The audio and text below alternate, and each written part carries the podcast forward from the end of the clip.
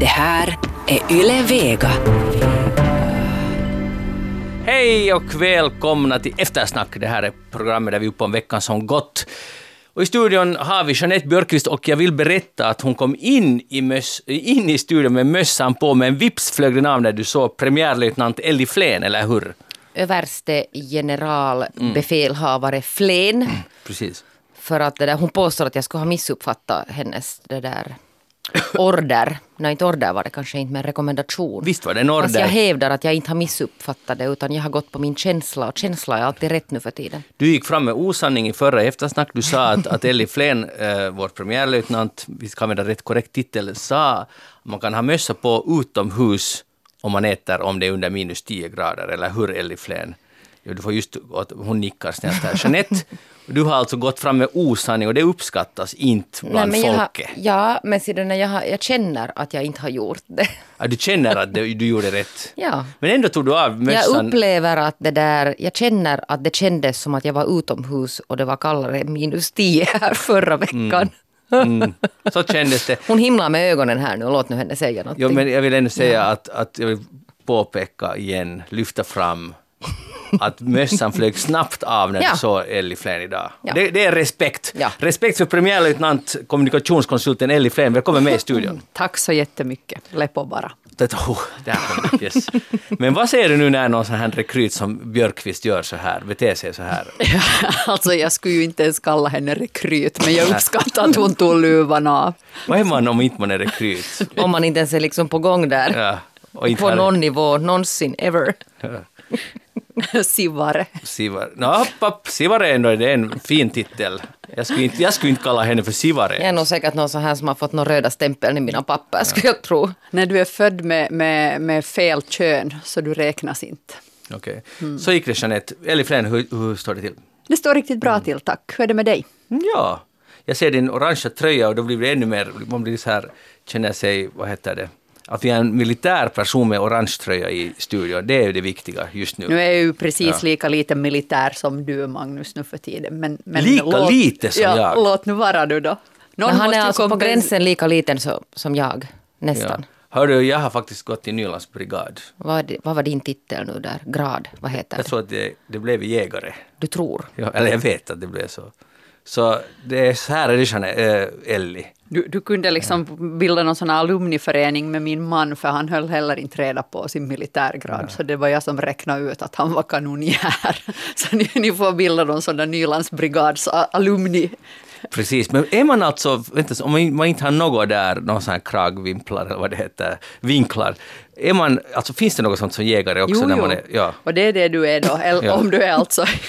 Sluta skratta. Det lägsta möjliga, om vi det beror, säger så. Det beror alltså på vilken riktning du har gått. Du är antingen kanonjär eller, eller nej, det är jägare, absolut. Ja, Ja. mm, då- Men är han det här som kallas kanonmat sen när det blir krig? De där som man laddar först dit då? Det är du Jeanette. Men jag är ju inte med där på fronten för jag är ju inte Nej, det, alltså, det, det är det som det, det, det är liksom en soldat, vanlig soldat. Ja. Mm. Okay, Beroende vanliga soldaten heter Magnus Lundén, välkomna till Eftersnack. Vi ska tala om också om annat än om militära frågor här i Eftersnack, vad, vad som har skett under veckan som gått. Och jag ska börja med det, kanske det viktigaste. Hur mycket sover ni om natten, Jeanette? Nej, men inte igen. Nej, fråga- bara i timmar. Så här ungefär. F- 56 timmar. Okej, eh, Elli Flen. Nå, sju men borde vara åtta. Okej, för jag hörde igår en intervju med Eino Grön, äh, musikern som fyllde 80 år. Det var på Yle Puhe var det en lång intervju med honom. Och han sa, Jeanette, att man ska sova nio timmar i natten. Om Ja, det ska man säkert. Ja, och det där, och sen ska man hålla sig nykter, vilket han har varit nu i 42 år. Så att här, vink, vink, eh, hälsningar därifrån. har du någon kommentar? Nå, det där, har du lystrat till det här, Magnus? Hur många timmar sover du? Och när Nå, var det, du? det blir nog inte nio timmar. Det, det är nog, alltså nio timmars sömn tycker jag nog en, det är en lyx, alltså en fin lyx. Alltså, det, man väljer ju själv trots allt, men jag, jag tror inte jag kan mer än en natt i sträck sova nio timmar, för det är helt, jag helt enkelt vaknar. Alltså jag kan inte sova så länge. Förstår Men månne har nu hela sitt liv har sovit nio timmar. Det framkom inte i den här intervjun, men i alla fall. Elli, vad säger du om det här? Ja, det, vi borde ju definitivt prioritera sovande mer. Mm. Och det börjar man ju fatta nu att, att det går ju inte att hålla på att knipsa bort och tro att man av effektivitetsskäl inte hinner sova. För det, det, det, det funkar inte i längden. Och det är ju hemskt individuellt om man behöver sju, åtta eller nio, men det ligger väl där och kring det där normala, vad, vad folk skulle behöva. Och jag tror, eller jag vet att Grön har nog en jätteviktig poäng med, men när han säger att man borde hålla sig nykter eller, och egentligen inte dricka någon alkohol alls. För det inverkar mer än vad vi tror på sömnen. Det här lärde jag mig nu när jag i somras fick jag alltså en liten sjukdom som heter mykoplasma. Som är, det är inte någon liten sjukdom. Den, den är lite seg. Mm. Så, så jag jobbar med att, att träna liksom, upp konditionen efter det. Nu har jag anlitat en PT som är bra på mykoplasma-case. Och, och hon um, hade mig i någon sån här mätning där jag gick omkring med något, mätte hjärtrytmer och saker i, i flera dygn i sträck. Och då, då, det syntes alltså på de där sömnkurvorna när jag hade druckit ett glas vin på kvällen. Så, så knipsade bort liksom kvaliteten av min nattsömn för flera timmar. Så det där ena lilla rödvinsglaset syntes på de där kurvorna att den där sömnen, fast jag sov, så var inte lika återhämtande och lika djup som den var de där nätterna när jag inte hade druckit rödvin. Och det var en sån där aha för mig att ser du, ser du. Och hon sa att egentligen om man nu ska envisas med att dricka så borde man göra det på morgonen. Så det inte skulle störa nattsömnen. Så vi borde kanske övergå till någon sån här frukostchampagne eller någonting istället för rödvin på kvällen. Ja, under glada studietiden så levde man alltså ganska hälsosamt på ett, ett sätt om man började på morgonen. Fast det var inte, var inte det mer att det liksom pågick Ja, men det var också runt. på morgonen. Vet du, så här om man ja, men tänker. det var nog inte så det här liksom resonemanget Det var inte du, dit du ville komma? Nej. Äsch. Okej, okay, uh, eh, men det, alltså jag tycker, jag tycker jag, det där är många som säger det och det måste ju vara sant. Men det, jag ska först fråga dig, att märker du själv någon skillnad? Det, det är inte bara mätningarna. Märker du person, Elli Flen vaknar på morgonen, har inte druckit ett glas vin, Elli Flen vaknar, har druckit ett glas vin uh, kvällen innan. Märker du själv någon skillnad? Nej, det, det skulle jag inte. Nej. Men sen om jag har druckit mer än två glas vin, vilket mm. nu händer hemskt sällan nu för tiden, men om man nu har varit på någon, på någon fest eller någonting och, och kanske då druckit tre glas vin, så då sover jag nog jättedåligt. Mm. Så då märker jag det. Mm. Det måste ju vara skillnad. Sen tycker jag det är ju ledsamt på ett sätt, för det är ju helt trevligt att dricka ett glas vin. Mm. Att jag tycker, uh, så, så, jag blir lite såhär, varför måste det vara så där? Men kan det nu vara så att man inte dricker varje kväll? Alltså? No, jo, jo, jo så hade jag nog tänkt det också. Ja. På det sättet. Vi går vidare, hälsoeftersnack fortsätter en annan gång. Hörni, det har varit ett nytt Nej, nej, först blir det blir permanent vintertid, har ni hört nyaste nytt, och det betyder att eller statsrådet, regeringen, ursäkta, går in för det här och, och kommer att föreslå, föreslå och hoppas att det blir så, att det blir permanent vintertid om några år i Finland, så den här sega kampen där alla, nästan alla medborgare har varit involverade, är nu avgjord. Är ni nöjda med det här beslutet, Jeanette? Har nu alla medborgare sen varit... No, det har ju varit nog ett stort ståhej och alla har tyckt till. Många har tyckt till om no, Många har tyckt till och de som har tyckt till är ju de som är jättepassionerade. Det finns ju människor mm. som är väldigt passionerade i den här tidsfrågan. Jag hör inte alls till dem. Ah, så du har ingen åsikt? Nej. Okej. Okay. Jag har definitivt en åsikt och för mig spelar det ingen roll vilken tid det blir, bara vi håller en tid. Jag tycker det var viktigaste här var att vi slopade det där flyttande. Sen kunde jag, hur, hur många är landa nu då? För jag hade ett önskemål, jag svarade faktiskt på den här enkäten. Jag hade ett önskemål och jag skrev dit att det är ingen skillnad för mig om det är sommar eller vinter, men kan vi please koordinera med Sverige så vi ska ha samma tidszon som Sverige. Men det, det kommer nog det, det, antagligen inte att lyckas. Nej. Och dessutom, jag tycker att det är jättestor skillnad mellan vinter och sommartid. Fattar ni inte det att, eller jag vet att man kan ha olika åsikter om det här, men om det skulle bli permanent sommartid så skulle det bli, solen gå upp otroligt sent, där var den ens, ens går upp i Finland under vintern. Alltså dagen skulle förskjutas. Man är, om man går till exempel i skola, uh, om inte nu skolstarten eh, uh, senare läggs förstås, så är man tre timmar lätt i skola innan solen ens har gått upp. Jag vet att det här är verklighet i några gamla solen inte går upp. Men, men i alla fall, uh, så jag tycker, det, jag tycker det var helt klart att det borde bli permanent vintertid. Men folk är av olika åsikter. Låt komma din åsikt på facebook.com eftersnack om du har olika åsikter, eller varför inte om samma åsikt. Men veckans stora drev, det ryms bara ett drev in i veckan i Finland. Nu är veckans överlägset största drev, eller det enda drevet, åldringsvården. Och allt började i Kristinestad och sen hade det bara liksom hade stenen bara börjat rulla och blivit större och större. Snöbollen har börjat rulla och blivit större och större. Och nu har det gjorts en interpellation och egentligen så skulle det ju kunna gå så att regeringen faller om en vecka. eller i alla fall inte får förtroende, betyder det att regeringen faller automatiskt? Mm, tja. Eller fler. Ja, det här borde man ju veta. Nej, Ja, det skulle typ bli det? nyval då. eh, lite någon månad tidigare. För att regeringen har väldigt svag majoritet eh, just nu och det har blivit lite avhopp. Så, och nu sitter Samlingspartiet ganska ensamt där och försöker försvara nuvarande linjen. Det vill säga det vad man nu konkret grälar om är att hur många vårdare ska det finnas, minimiantal vårdare i att ska det skrivas in som en lag i äldreomsorgslagen istället för att vara en rekommendation som det är idag med 0,5, det vill säga fem vårdare per 10 patienter och nu höjs det krav för att det ska vara 0,7, det vill säga sju vårdare och att det ska vara ett krav. Medan Petter Orpo säger att människan är inte en decimal, att man måste kunna anpassa det efter individens behov. Och det låter ju bra, men det betyder oftast att man anpassar sig neråt, skulle jag vilja påstå. I alla fall, har ni följt med den här vårddebatten? Jo, och jag har följt med den väldigt många år. Och jag kan dra mig till minnes den här förra gången man förde den här diskussionen om alltså antalet vårdare per år. Det måste ha varit 2012 hade- ja. tror jag det var. Eh, då det också var tal om den här 0,5 eller 0,7 och sen slutar man upp då med att det inte egentligen blev någonting. Och sen alltså under den här regeringen så var det tal i något skede om att det skulle gå från 0,5 till 0,4. Eh, Och nu är man då här igen vid den här antal vård, vårdare. Det är liksom på något sätt alltid här den här diskussionen kokas ner det till det här. Mm. Så är det. Och det, där, och det finns ju många saker man skulle kunna säga om det här men, men det där säg något. Nu, jag kan till exempel säga det att, att, det där, att det är klart att det ska finnas någon, någon sån här minimiantal. Men det brukar ofta betyda sen det att det blir då alltså på en sån här miniminivå. Och sen finns det inte, alltså det finns väl inte vad jag vet, eller kanske det finns i alla fall någonstans nerskrivet den här tanken om att det finns olika behov beroende på var den här vårdaren jobbar. Att till exempel alltså ju tyngre vård så räcker inte ens alltså 0,7 till exempel. Och, och det på något sätt liksom har man aldrig riktigt kommit sen till skott med att hur ska man sen definiera då det här. Att det är sån här liksom stegvis också höjs den här antalet vårdare per patient beroende på hur tung den här vården är. Men borde man inte kunna lägga en koefficient på olika sorters No, det skulle man ju kanske tänka att man skulle kunna göra i alla fall någonting alltså ditåt. Som skulle vara bättre. Men det där sen att, att no, jo. Jag, jag, jag, jag förstod inte där vad de menar först, men sen, sen var det i A-studien eller någonstans där här om kvällen när eh, Tehus jurist var där.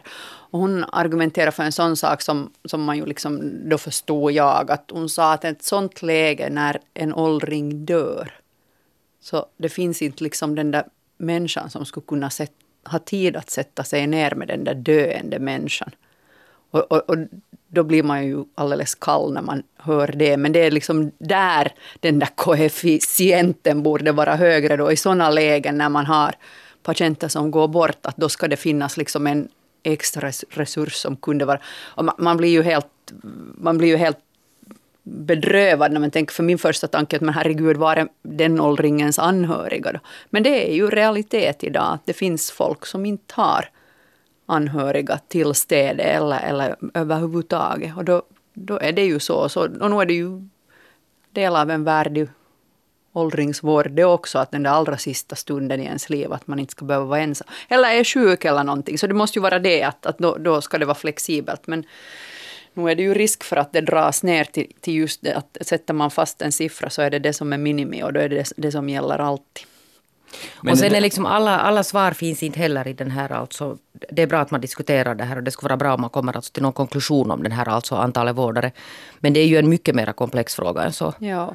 Det, det handlar alltså den här åldringsvårdens problem som, som har varit alltså, vi har känt till den här i åratal. Alltså det finns rapporter, det finns alltså eh, tidningsartiklar, grävande journalistik, en massa alltså rapporter som visar att det här har varit alltså ett problem länge. Det gäller alltså inte bara de här, de här privata vårdbolagen, det finns också alltså problem inom den här kommunala sektorn. Men sen på något sätt så far det alltid så här att det går en spin på när någonting dyker upp och nu är det val på kommande. Men jag hoppas att, att, att kanske det här nu då skulle vara den gången när man faktiskt kommer fram till några lösningar också. För den här diskussionen har jag hört så många gånger. Det är liksom olika case som kommer upp. Och sen för man alltså en väldigt aktiv debatt. Och, och YLE till exempel, finska YLE har varit förtjänstfullt alltså här och det där och, och fört fram en massa oegentligheter. Och sen i något skede så tystnar den och sen händer ingenting och så fortsätter man mala på utan att någonting alltså det där egentligen blir bättre. Du sätter ju huvudet på spiken tror jag med det där att det valet är så nära. För nu, nu liksom blossar ju det här upp, men, men det inte börjar ju det här nu på något Ulrika hem i Kristinestadiet. Ja. Det här var ju bara ett case nu av många. Jo, men, och som men lyfter fram alltså en, ja. en, en liksom specifik problematik med det här att man har utlokaliserat massa av den här vården. Exakt. Utan att någon alltså egentligen ja. hade där granskat det här. Men är det inte en bra valfråga? För att när, i alla undersökningar är det här som ja. folk bryr sig om. Jo. Ja. Och, men att, det här är inte ett sidospår. Nej, det här är inte någon sån här... Men det är inte första gången det är en valfråga heller. Nej. Att det liksom har varit valfråga tidigare och, och sen är det val och sen på något sätt så försvinner det och så, så blir det just den här att man sitter och ältar att ska det vara 0,5 och vad kostar det här? Och sen, blir och sen faller det, allting på kostnaderna. Och sen blir väl det här bara en större och större fråga för antalet och andelen åldringar växer och växer. Och, och, det har vi ju vetat länge, men nu, nu börjar vi ju faktiskt se hur det ser ut. Alltså det blir, jag tror ju att det här blir en större och större sak och oftare och oftare får vi tampas med de här frågorna och det blir dyrare och dyrare och då finns det mindre och mindre resurser. Och, och, och, vi är färre och färre som jobbar och betalar skatt och ska stå för den här välfärden. Så det, det, det, det blir en liksom, större fråga hela tiden. Ja, men där är alltså, det handlar ju också om det här att man behöver gå in alltså och kolla alltså helt strukturer. Alltså tänka om kanske. För att mm. den, den är liksom den är lite sån här, sån här jätte på lerfötter, hela den här åldringsvårdssektorn. Att det på något sätt byggs på. Det finns alltså vissa gamla strukturer, kommunal åldringsvård till exempel, mm. som inte liksom, man har inte riktigt gått in sen där och kollat att hur det där, hur skulle det här funka. Till exempel saknas det ju det där, man bestämde sig för att människor ska vara hemma. Det var ju en stor valfråga i något val också, den här med hemvården. Nu ska vi satsa på hemvården och människor ska inte ligga hemma alltså, och det ska inte finnas sådana här långvårdsavdelningar. Och så börjar man avveckla dem utan att man egentligen tittar på att, att vad händer sen. No, det ledde alltså till det att en massa människor blev hemma och ligga. Det finns alltså inga vettiga platser. Så det ligger alltså svårt dementa, förlamade människor ensamma hemma med en hemvård som alltså går på knäna och har gått det i många, många år. I värsta fall en egen vårdare som sliter ut sig och sen också behöver en vårdplats när den människan bara inte, inte orkar mer när, när två åldringar ska vårda, vårda varann ungefär.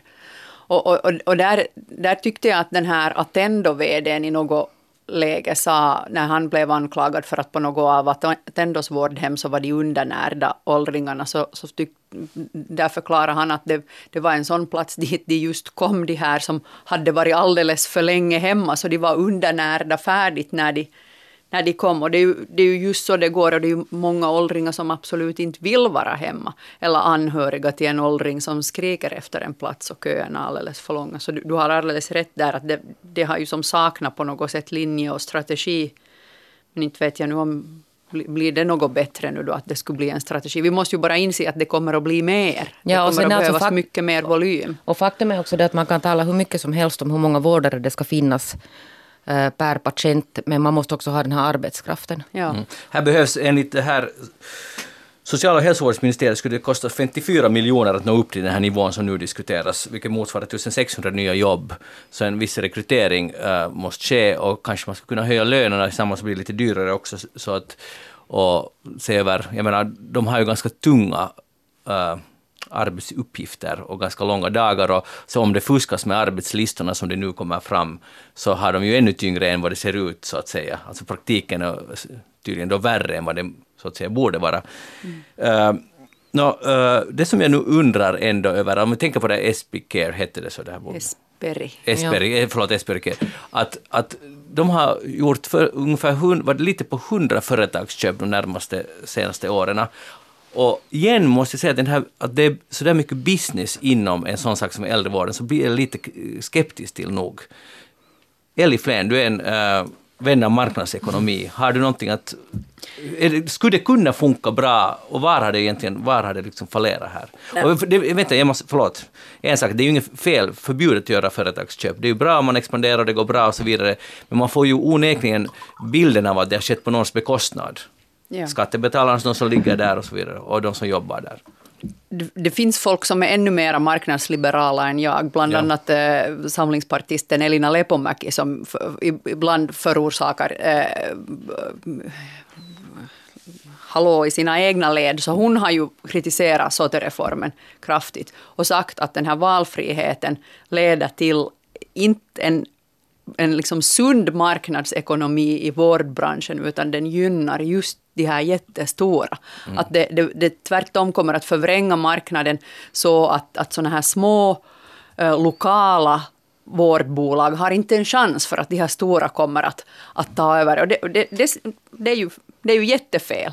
För, för jag ser ju att, de, att, att de här lokala tredje sektorns organisationer och sådana här, liksom, vet du, vi i byn går samman och ordnar ett åldringsboende åt våra, våra åldringar. Så, så det skulle vara idealet. Det kan ju hända att det är lite för idealiskt och där behövs också naturligtvis övervakning och det här. Men som det ser ut nu så är det ju just de här stora som växer och växer för du måste positionera sig för att om den här reformen mm. blir som den blir så då kommer de, bara de starka att hållas kvar på marknaden. Så vi har ju med politik, eller regeringen har med sin politik drivit det till till det här. Men man kan ju justera det genom att ändra på kriterierna. Det inte pengarna väger så stort, men det skulle kunna vara att man betalar skatt i Finland, det är ett absolut kriterium. Mm, I upphandlingen och, menar du? Ja, i upphandlingen. Mm. Och kommunen skulle ställa sådana här krav och att, att det är ett litet bolag där man känner dem som, jag vet inte om man kan ha ett sådant kriterium, men, men i alla fall man skulle liksom, nu kan man ju styra det och kvaliteten skulle ha otroligt den liksom högsta betydelsen istället för pengarna och sådana men, saker, och den där skattebetalningen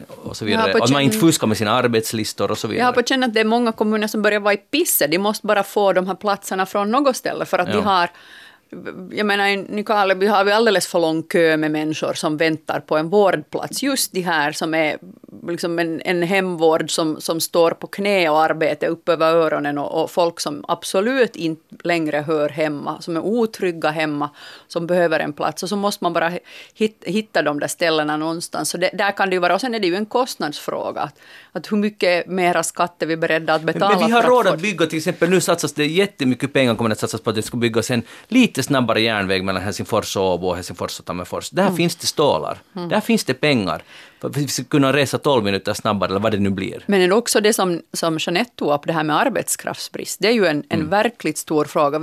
Att ändå ha har ett, byggt ett alldeles nytt vårdhem i, i Nykarleby, de fick inte en enda människa som sökte jobb där.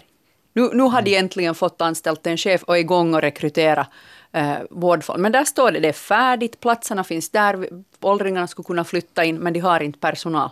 För vi har så låg arbetslöshet i Nykabi och det finns inte löst folk som skulle kunna komma dit och, och jobba. Men sen är vi som, och, och, vi vill inte ta in folk till det här Nej. landet heller. Det skulle finnas nog folk ja. som skulle vilja jobba här i landet. Men nu börjar det ju handla om att det, man kan ju inte liksom behöver, man ska, det skulle vara, vi vill ju gärna ha utbildat folk, vi vill ha kvalificerat folk som vårdar våra åldringar. och, och människor som är lämpliga för jobbet också. Exakt. Jo, men nu kan man ju ordna utbildning, alltså det tar ju några år tills vi har, man skulle ha det under, skick, i, under kontroll. Jo, jo, alltså det där, är ju, det där måste vi ju göra. Vi, det, det, finns ju inget annat sätt än att, att, att öppna upp och ta in mer folk utifrån. Men, men det här är ju redan, liksom, det här problemet är ju som idag. här och nu, ja. idag. Jeanette, när du går till valbåset Eh, i riksdagsvalet? Tänker du tänka på den här frågan? Då när... jag tänker på den här frågan alltid. Min okay. mamma har ju faktiskt alltså då jobbat som åldringsvårdare innan hon själv blev sjuk. Så det här är alltså mitt hjärteämne. Det här är det viktigaste när du, när du bestämmer vem du röstar på? Ja.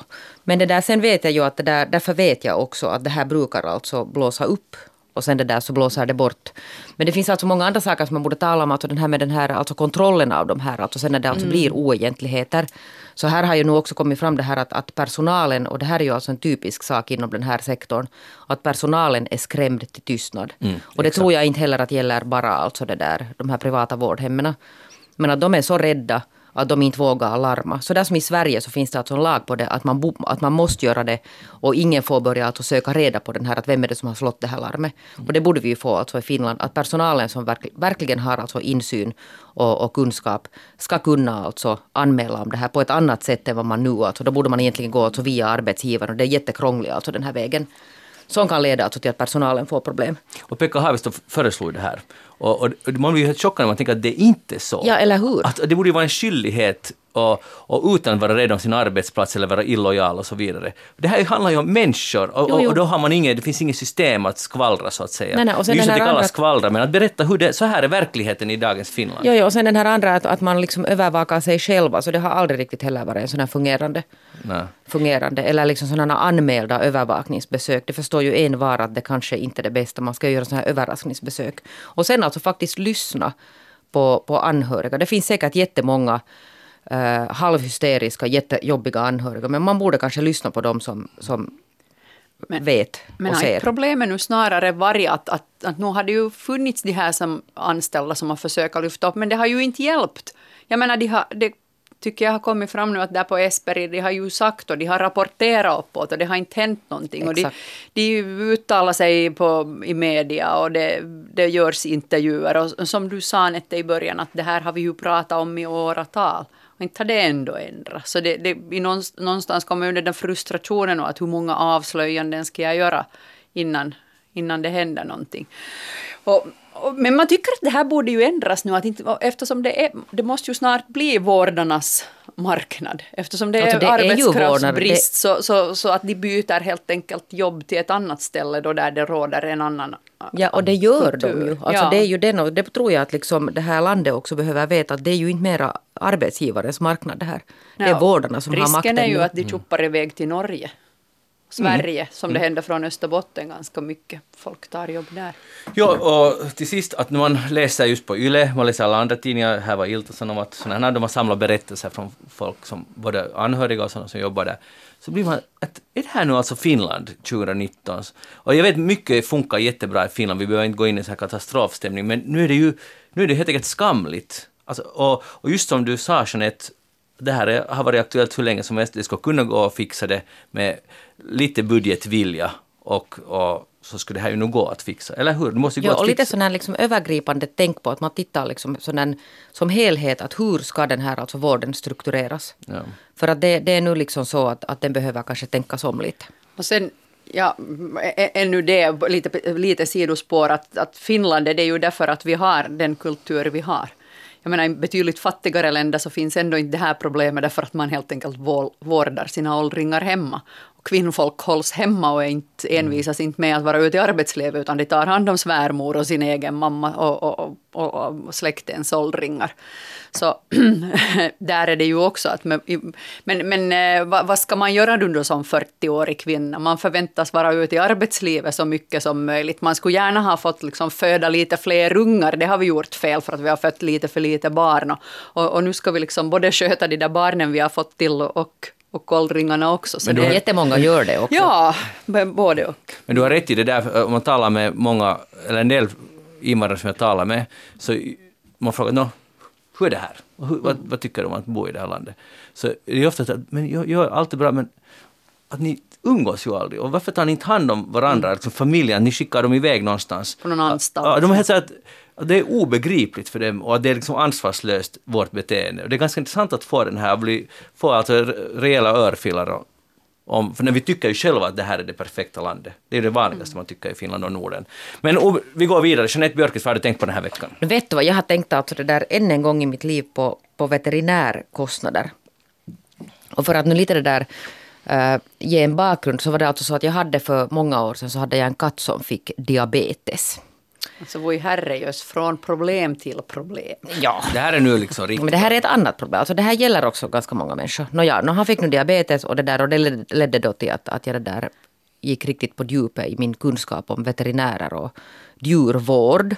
Och då ska jag säga alltså att jag är en sån människa att jag, jag är inte en sån som håller mitt djur i liv alltså av princip utan jag tänker på att är det värt alltså för det här djuret eller borde man det där avliva den. Och den här alltså diabetesrumban tog åtta månader tror jag.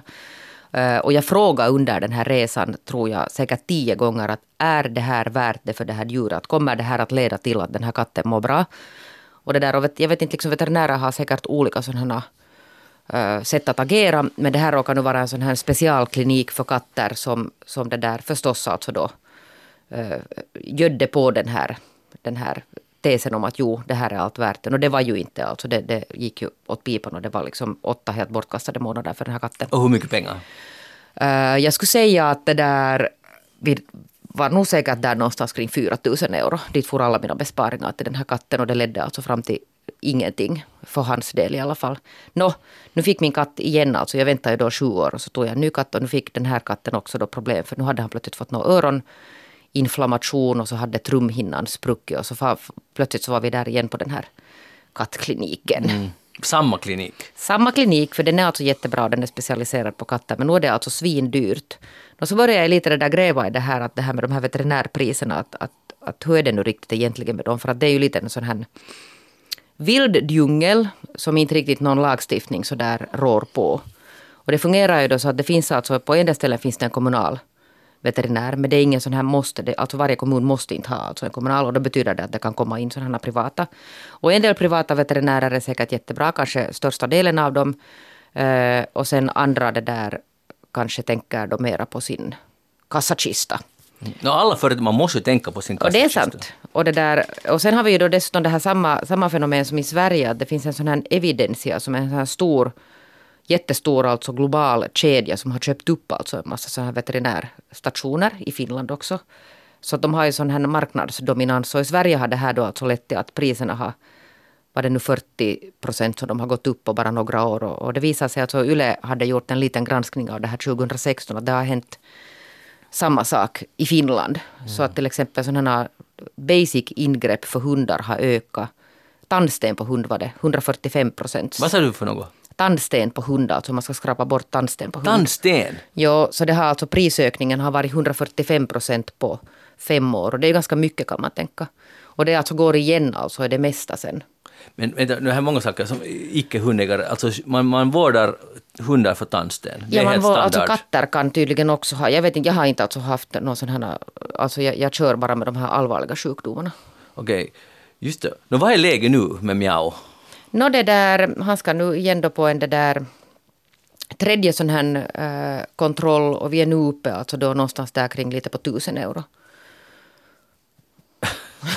Tystnad. Nej, Nå, Elli. Alltså, jag måste börja med att säga förlåt, för min kommentar var ju inte alls riktigt vänlig som jag släppte ur mig. Just den tyvärr kanske beskrev ganska öppet mina innersta känslor. Ja, ehm, Men varför ber du då om förlåtelse om det, om det var dina innersta känslor? för att... eh, Man har jag- rätt till sina känslor. Ja, man har rätt till sina känslor, men man ska också ta hänsyn till andras känslor. Aha, det var det. Och nu har jag dåligt samvete för att jag förstår och vet hur viktig katten är för, för, för Nette och då borde jag inte liksom racka ner på hennes Nej, men känsla sen- genom att fälla en spydig kommentar.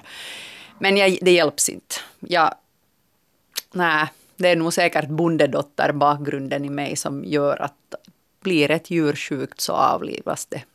Men jag förstår ju att Nettes katt är mer än, än en katt. Det är en familjemedlem gäller för det, och då alltså förstår då- jag att man liksom håller på in i det sista och försöker rädda katten och då förstår jag att det är ett problem att det blir dyrt också.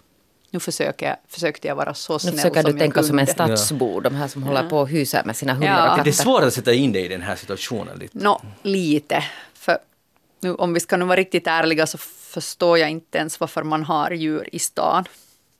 Jag tycker inte att man borde ha djur i en stadslägenhet alls. Alltså alla premiärlöjtnanter vill, vill skjuta alla djur i stan. Nej, det, nu, nu ska du inte blanda in det här. Det var nästan nu, så du nu, sa. Nej, nu är det bondedottern som Nej, bonde, pratar. förlåt, liksom. bondedottern. Ja, Ja, just det. Men hon är när armémänniskan har du geväret sen som hon skjuter. Men, men, man, man, men ni kan ju liksom argumentera mot mig då att jag äter de där djuren istället och går gärna klädd i dem också. Inte äter så. du väl hund och katt? Nej, no, det gör jag ju inte. Och jag förstår, jag hade också hundar när jag var barn, så jag vet att de är liksom, det är sällskapsdjur. Och jag, Nej, men det vi ta- har gråtit hela gängen Men när hunden har blivit exempel sjuk ta en och dött. jakthund som, som Ja. det där skadar foten när den är ute på jakt. Så Mm. skjuter man den direkt eller får man den till veterinären och kollas. Jag, skulle, jag vet inte med en jakthund, men, men en, s- den hund vi hade, så om den bryter benet så ja. Men skadar foten så där att den på stiger på, hur- någon... Du, hör, eh, Jeanette, du hörde vad hon sa? Jo, jo, sa men hon, hon. sa bryter benet. Ja, alltså om det är så skadat som man liksom, för att en hund förstår inte det här med att vi ska gipsa ditt ben och du ska liksom ha ett gipsat ben i en månad. Ja, det, Men vi tar till exempel i staden så kan, så kan det alltså gå så att hunden stiger på en glasbit för att sådana här dårar slänger omkring sig flaskor. jo, jo, men det kan man ju, det är ju en, då en annan. Men då är det ju alltså- hur det är ju- allvarligt det är. Men det är ju ett sånt ingrepp så du kan inte alltså i sta, alltså du, du för hunden till en veterinär och sen vet du inte alltså vad det händer sen efter det. Det kan, det kan liksom det där kosta sen i princip alltså vad som helst. Ja, jag skulle ju kanske inte sätta samhällets skattemedel på att hjälpa den där hunden. Men det Nej. sätter ju ingen. För Nej. att den här, alltså det här är ju just den här grejen med de här veterinärerna. Att, att man betalar alltså de facto-kostnader. Men det bra finns att det inga finns stöd någonstans. Det, de facto kostar en plus lite till antagligen. Jo. För att ett företags idé är att gå med vinst. Det, och det är helt normalt. Men Elli, för det här är ju nu den här kärnan i det här. För att uh, ditt innersta säger någonting, din uppväxt säger någonting. Men nu sitter vi här bredvid Jeanette Björkqvist som man kan tycka att det är lite konstigt men vill välja, använda tusentals euro. på Nej, inte vill jag. Nej, nej, men, men, men du måste. Du upplever att du måste. gör ju det. Du, du gör det. Det är du själv som bestämmer. På det sättet vill du. No, det är sant. Ja, Man kan okej. ju avliva en katt som har öronproblem också. Ja, det kan man. Nåja, och det skulle Ellie ha gjort. Utan att blinka. Men i alla fall så, så här går alltså, här går ju jag inga skattepengar. Blinka. Jag Här- skulle visst ha blinka. Och- Jag har gråtit när alla våra hundar har be behövt avlivas. Men det, jag, jag skulle tycka att det skulle vara lindrigare för den där katten eller, eller hunden att avlivas än att liksom ha den där sjukdomen och ha de där utredningarna och, och, och medicinering och den. Men nu är ju grejen den att det är ju inte bort från dig till exempel, det har du inte heller Nej. sagt. Nej. Men så, så skulle du, är det för dig, du skulle ge ditt, du har gett ditt råd men låt Jeanette fortsätta använda sina tonnin om hon vill. Absolut. Ja. Och Men det är ju alltså det där, val. inte det är ju så att människor vill. Nej, nej, men, Men om man har alltså... känner sig tvungen. Men förstår ni att, att var, var, var, liksom, var är den här graden på, på sjukdom som gör att en människa alltså mot veterinärens inrådan själv ska ta beslutet om att avliva det här djuret. Alltså säga att veterinären säger jo men om vi gör det och det och det så kan det här alltså djuret bli friskt och då ska ägaren stå där och säga att nej det gör vi inte. Och det är alltså ett faktum, det finns alltså forskning på det att människor idag för att ekonomin är som den är, att det är många som tvingas alltså avliva sina djur för ganska alltså triviala saker för att de inte har råd att betala de här priserna. Och vad är din lösning? Har du några f- förslag till Nej, lösning? jag har absolut ingen annan lösning än att det där, än att det där man borde nog lite fundera på de här. I Sverige finns det någon sån här rörelse som, som på något sätt nu går offentligt ut och kritiserar de här veterinärkostnaderna för att, eftersom det är lite så här att man kan, man kan sätta hurdana pris man vill i princip. För man är ju ganska illa ute om det är en, ett, det är det du försöker säga, jag vet det, men om man tänker igenom det att, att det är ju då en, ett jätte, ett kärt djur, familjens kära Jo, jo. djur, och ibland kanske det är ens enda vän rent av. Och så vill man ju att den där inte ska dö. Så jag, det, inte är så fall. konstigt. Alltså, liksom, inte det alla- går. Ja, och och, och, inte av men det här kan de här utnyttja, de här... Jo, jo, och man vill ju inte att den dör alltså av någonting som inte är alltså dödligt. Ja, ja. Alltså jag förstår ju det att om det skulle vara en om det skulle vara en 20 år gammal katt så förstår man att den här är så gammal den här katten att det är fullständigt alltså meningslöst att sätta in den i något, att det, det är liksom bara dåligt för det här djuret. Det kan man ju förstå, men om det är en, ett ungt djur. Eli, Att det blir sån här alltså moraliska är det här, är det här ett måste stads versus landsbygd-fråga nu? För att är det så att, att det blir liksom för omplåstrande här? Ja, jag, jag vet inte, nu finns det ju smådjurskliniker på, på landsbygden också och kära husdjur Mm. på landsbygden också. Men ehm, ja, kanske den där gränsen kommer lite tidigare emot och det, och det hjälps inte. Jag menar, jag, jag, veterinärer ska ju också göra sitt jobb väl. Och om man har råd att ha det där djuret så kanske man behöver liksom då räkna med att det i något skede behöver finnas resurser för de där veterinärkostnaderna också. Men en, en bra veterinär säger säkert till Jeanette att nu ska jag ju säga det det. sanningen, att det här mjau, Ja. det, tiden är ute, Och att annars- tyvärr Ja. så måste vi göra så här nu. Och annars gör ju, gör, måste ju den där veterinären, jag menar det finns ju en djurskyddslag, att man inte får utsätta ett djur för lidande och, och, och därför måste ju den där gränsen komma någonstans. Ja, och grejen är ju det, det finns ju inga gränser för vad man kan göra med djur. Alltså jag tycker själv att det har gått lite för långt det här. Det är ju alltså, börjar ju nästan alltså liknas vid sån här människomedicin redan, att vilka ingrepp och vilka apparaturer det finns för att vårda djur. Sånt som går alltså alldeles för långt enligt mig också.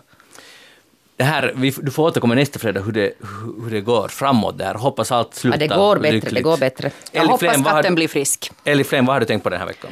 Hördu, jag har funderat på om man borde söka medlemskap i Börsklubben eller inte.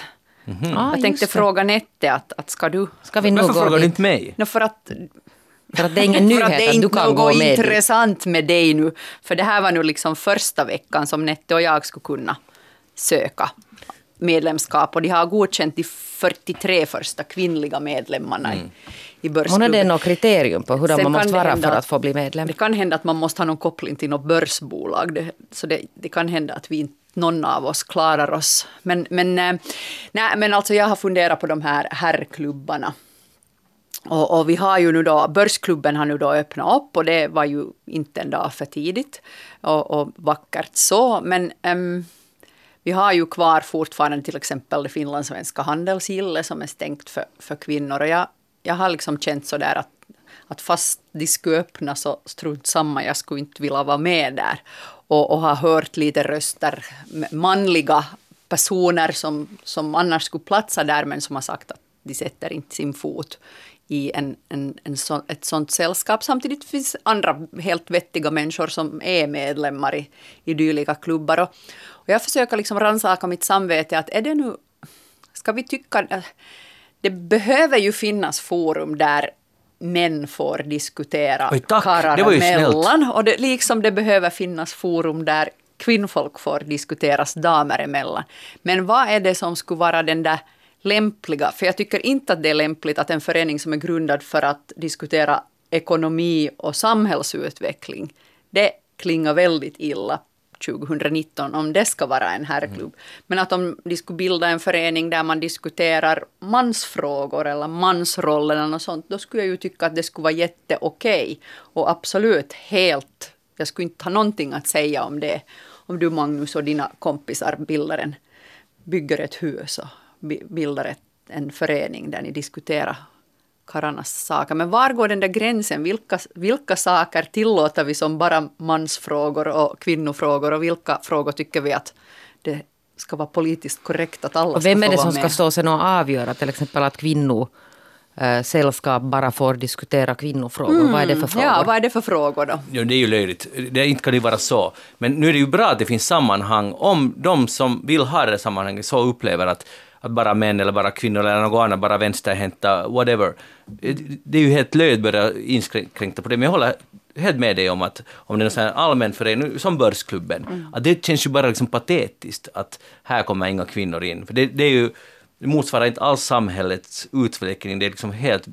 Men däremot kanske det skulle kunna finnas en, ett utskott där man har en gång i år en mansmiddag, en gång i år en kvinnomiddag, om man så vill, om det finns intresse för det. Och, och där snackar man vad, som, vad man vill. Men jag nu måste ju föreningen vara öppen för alla om det är en sån här ändå allmän förening. Men däremot tycker jag inte, jag tycker det bara är helt vackert att män ibland träffas bara män och kvinnor bland kvinnor. Alltså, vad är det för fel på det? Det är ju helt...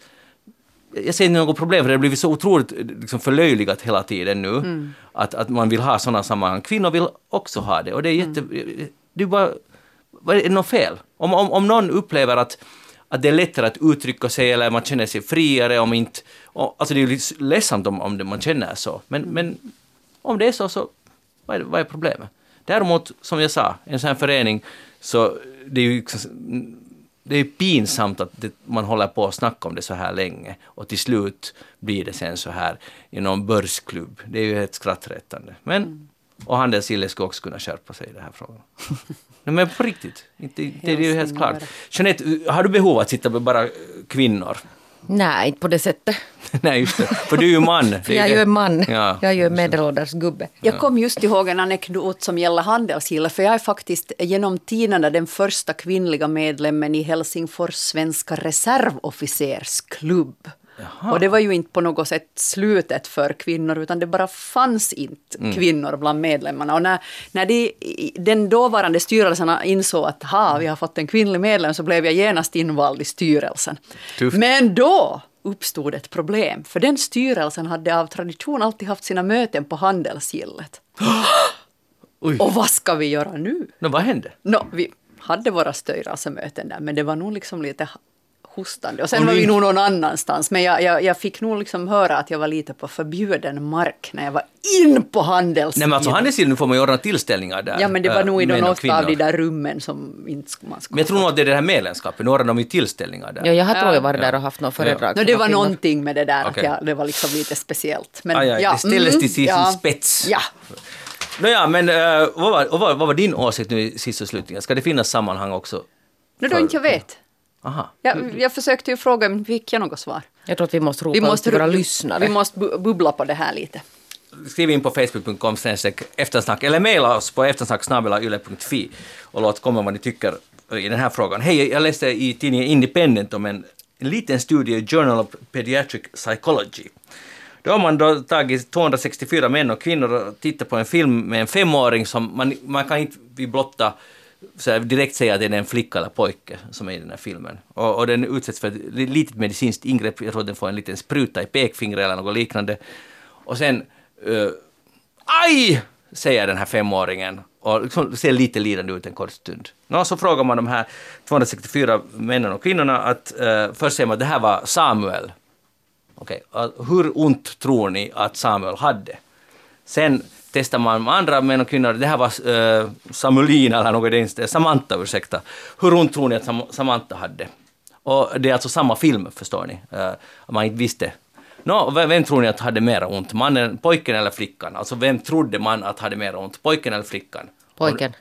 Korrekt svar. För att på en skala 0 till 100, så de här som tittar på den här stackars um, pojken slash flickan, så, så man skulle säga på en skala 0 till 100, hur, hur ont gjorde det där? Då säger de att, för, att om det var Samuel så tog det fem, var det 50,42 och var det Samantha så var det 45,90 som det tog ont. Vad drar ni för slutsatser av detta, Elli? Inte särskilt stora, för det var inte så stor skillnad. Ja, men det var ändå 250 människor där. En, okej, man borde ju göra det på ett mycket större sampel. Mm. Låt oss se om man skulle få samma svar. Att det faktiskt är genomgående en skillnad. Men det är ju inte så, det som Ellie säger, att den är inte så stor. Det skulle vara annat om någon skulle säga 20, Och 50. 20 på, på Samantha och Ja. 80 på Samuel. Men nu, nu, nu ska vi göra så här, att om vi leker att det här skulle vara 10 000 som skulle svara och det skulle fortfarande vara 50 mot 45, då är det en, det är en liksom större skillnad än vad liksom den här miss... Vad Ja. heter det, det här felmarginalen kan vara. Vänt, vänta nu, blir det det? Ja, det blir det absolut. Jaha. Om man har 10 000 så det inte- kan det inte kasta Men vad drog de för slutsatser av det här? Ja, de, de, slutsatsen är den att, ehm, att den här mans och kvinnobilden som spökar här, för att man utgår från att män är lite mer så här klarar av sånt och fysisk smärta, och medan kvinnor är liksom mjäkiga. Så att, så att eh, om, om mannen skriker sådär så måste det ju ta ont. Förstår ni? Det här är alltså så som de kommer till, att det måste bero på det. Så nu är frågan, tycker ni att det här stämmer? Är det? Men stämmer den där logiken nu? Där i det är den logiken att säga att måste ligga bakom det här. Alltså min man påstår, påstår att hemma hos oss så är det jag som har man-flu. Att det är jag som, när jag är förkyld, så då är det jag som har en nära döden upplevelse medan han tar det som en man. Så jag, jag, jag kan inte Det gäller inte i er familj. Nej, det, det här, I vår familj är det så. Jag är sjuk, när jag är sjuk så är jag sjuk på riktigt. Mm. Men alltså, det är ju det, det är därför alltså, manflu handlar ju egentligen om samma sak. Att mannen upplever att nu är jag verkligen Ja, fast sjuk. nu ska jag träda in till mannens försvar. Oj, för, vad att det finns, för det finns ju alltså faktiskt någon forskning. Och det är inte så hemskt länge sedan vi talade om det här i eftersnack och jag la ut någon länk på det här. Att det finns alltså faktiskt någon biologisk förklaring till att männen faktiskt är sjukare. Aha. Ibland, inte alltid, men alltså någon viss eh, flunsa är det faktiskt så att mannen har, det är värre för mannen. Att det är på något sätt eh, könsbetingat hurdan Jo, och det var någon, någon biologisk, alltså något sån här, jag har länkat ut den här, om man lite söker där på vår sida så hittar man den här forskningen. Men Så det var mera på ett sätt mera, tänk om det också, det Samuel hade större smärta. Nå, det där om vi tänker något annat. Ja, det här var alltså, det var just det, det var en sticka i, alltså Ja. en spruta i fingret. Nå, det, där, det där tror jag sen inte att, att forskningen, där tror jag ju nog att det är så att män är mjäkigare, alltså att de skriker lättare. Är du- är det än det kvinnan. hållet? Att Kvinnan sitter tyst och tar emot det där sprutan bara vet du, och biter ihop. Aha. Medan mannen vet du, gråter och piper sen om det kommer en spruta i närheten. Okej. Så, så när, det måste vara ett misstag hela den här forskningen. Jag tror det. Just det. Borde du skriva ett inlägg dit i Journal of Pediatric Ska jag skriva någon Psychology? egen slags någon sån här liten utkast till en akademisk artikel. Men- det- Science Academy. att det är en ganska intressant fråga, allvarligt talat, att om, att om det är så att vi uppfattar uh, att det är sådär könsberoende, att nu är det en, att, vad, vad bottnar det sen i? Men vad tror du alltså det där, om någon slår dig nu på tummen med en hammare, så, så gör det, alltså upplever du den här smärtan större än om någon slår mig på tummen? Alltså om jag är helt ärlig, alltså, och, och det det var ju tema för det här programmet när Ellie också klämde ur sig eh, vad du tyckte om katten, så skulle jag säga att jag tror att jag skulle, jag skulle tycka mera synd om Samantha. Av någon Om Samantha? Ja. Alltså jag skulle tycka mera synd om henne, just, men det är av samma orsak förstår, ni, förstår du. Att, att ja, ja, han klarar Samuel fixar nog det här. Sluta gråta nu, pojkar Ja, gråter alltså jag skulle inte tycka så mycket, men om man ska- måste liksom hårdra det där, var, så skulle jag, oj, oj, stackars Samantha. Och jag vet jag kan inte, det, det är ju helt ologiskt. Det är Det, helt jag, jag skulle tro att man tänker tvärtom, ja. Det Ja. Att man tycker alltså mera synd om pojkar än om flickor. Pojkar får ju nog oftast all uppmärksamhet, eller ganska mycket också. Men de, man kräver, kräver mer av pojkarna, Ja. pojkarna, att de ska klara Ja, det mer är det jag och liksom sluta gråta nu och rycka upp Ja. det. Men hej, det var ju inte något länge sedan när det cirkulerade på sociala medier något sån här videoklipp av en kvinnlig fotbollsspelare som var skadad, blodig hela ansiktet och hon liksom spottade ut det där blodet och fortsatte sparka. och så var det liksom en manlig fotbollsspelare då som, och det var då ett sånt läge där han tydligt filmade för att få domaren att, att, att döma ut något straff åt motståndarna som fick en liten törn på kinden och kastade sig. Ah! Ja, no, det ja, ju- men det finns någon sån legendarisk Everton-spelare också som, som fick någon så hård smäll på sitt smalben att man såg benpipan stack ut och han fortsatte springa. Att det är väl lite i vilket tillstånd man befinner Och i sig. vilka lag. Adrenalin, Ja. ja. Ja, alltså det här fotboll, det, det har ju blivit bara till stor del blivit, det är ju, det är ju liksom skrattretande att se de här spelarna, hur ont det kan ta. För något, just det att de får ont i ansiktet fast de har fallit på, och ont egentligen i tån. Så det, för det är alltid värre om det, är- någon har liksom möjligtvis tacklat mot ansiktet och så vidare. Men äh, fundera på det här nästa gång ni ser en pojke och flicka. Det kanske är Samuel och Samantha som lider där bredvid. Vem tycker ni mer synd om? Vem? För vem gjorde det mer ont och så vidare. Hörni, jag var på, i Pargas igår, eh, i Lerhyddan. Det är alltså vår sommarstuga och eh, det var ju då minus 3,9 grader när jag kom dit. Och jag var där, jag skulle ha en jobbdag där i, i stugan. Och det, där, det var ju lite kyligt och, och det var inte så jätteskönt, men det var ganska intressant i alla fall. För nu hade jag för första gången i mitt liv köpt briketter. Och Jeanette vet säkert inte vad det är, men Ellie Flen kanske vet vad det är. Alltså sådana saker att elda med. Ja, det är koncentrerad ved kan man väl säga. Sågspån pressat ihop till sådana här... Ah, Du, du, vet ingenting om detta? Nå, Jag brukar nog elda med björkven, ja. Okej, okay, det här är... Exakt, för den här är den frågan nu. Jag hade köpt såna för jag tänkte att, att jag... eh, det var så mycket snö där och jag ville testa den här grejen. Nå, så eldade jag och, och det brann riktigt jämnt och fint, liksom nästan för jämnt och det sprackade inte överhuvudtaget. Men extremt, det är mycket mer miljövänligt utsläppsmässigt och, och veden är torrare. Och, och det tar eh, liksom, vara på liksom, spill från fabriker och, eller sågar och sånt här. Så det är ganska bra. Sen kommer transportkostnaderna transportkostnader in och så vidare. Men i alla fall nu min fråga, för det är en, jag vet inte om det är för er, men det är en ganska trevlig grej att hugga sin egen ved. Att ha det som projekt och lite förråda upp där i, i vedlidre och, och, och fundera hemskt mycket på ved. Jag älskar att göra det och hugga så här. Men nu kommer ju den här konflikten, för nu finns den här torra briketterna där och sen har jag min egen ved som just nu är lite blöt för den har varit, var ute för länge. Och jag kan inte riktigt bestämma mig nu att ska man köra på briketter? Och för, ena- vad, vad förlorar man? Det ena utesluter inte det andra. Ah, jag kan ha både och. Ja, nu låter du din egen ved hur du torka. Ja. Och sen när vädret blir lite bättre så kan du igen hugga hur du lite mera ved och så fortsätter du elda och så sparar du dina briketter. ja, men alltså briketter är, en, det är liksom ingenjörens svar på det här ved. Tycker du om dem. Ibland tycker jag om ingenjörer, till exempel om hittar Men på... briketterna? Ja, briketterna. Det är just det här, man kan, att en briketten, de är alla identiska. Men de är väl lite lämpliga att ha om du ska dit och det är minus tre och du ska jobba där för att få upp värmen sådär. Det är sant. Utan att sitta och jobba och kämpa med den där brasan. Men, alltså, jag, jag vet inte om du förstår, hur mycket ved hugger du själv i livet? Sådär. Alltså det där, nu är jag ju faktiskt uppvuxen på landet. Jag Ja. har huggit ved när jag var fem år gammal. Men, men du kan inte, leka, du kan inte liksom, äh, äh, rida på, på det. det. där hur länge som helst. Du bor i Töle, du har en katt, Nå, du har inte, du har inte huggit ved på, jag vet inte hur länge, 30 år kanske? Men jag högg faktiskt, hörde förra sommaren. En gång. nå- Några Ja. klabbar där Ja. i Karelen. Ja, när har du Elli senast huggit ved? Nå, kanske i förrgår. Alltså jag är skogsägare, bor på landet, äger en egen motorsåg, äger en egen vedklyvare, hade en Högfors vedspis som hemgifte till vårt gemensamma hem och vi har också en öppen spis och vi har vedeldad bastu. Så det är med dig jag ska tala om den här Ja, frågan? du Okej. kan ta det här med mig. Ja. Och jag tycker liksom, eh, har man klåpar som man inte har torkat sin ved i tid, så då köper man antingen ved eller så köper man briketter om det nu finns såna då. Men så nästa sommar, Magnus, så tar du dig själv i kragen och ser till att du har veden in i lidre i god tid så den torkar och blir fin. Men så det var när vi byggde nytt hus, det fanns ingenstans att sätta den här veden. Aha. Alltså, det, det finns en förklaring. Men, men samtidigt är jag lite fascinerad, det är ingenjörernas lösning på det här. Och, och det är ju otroligt bra, den är torr.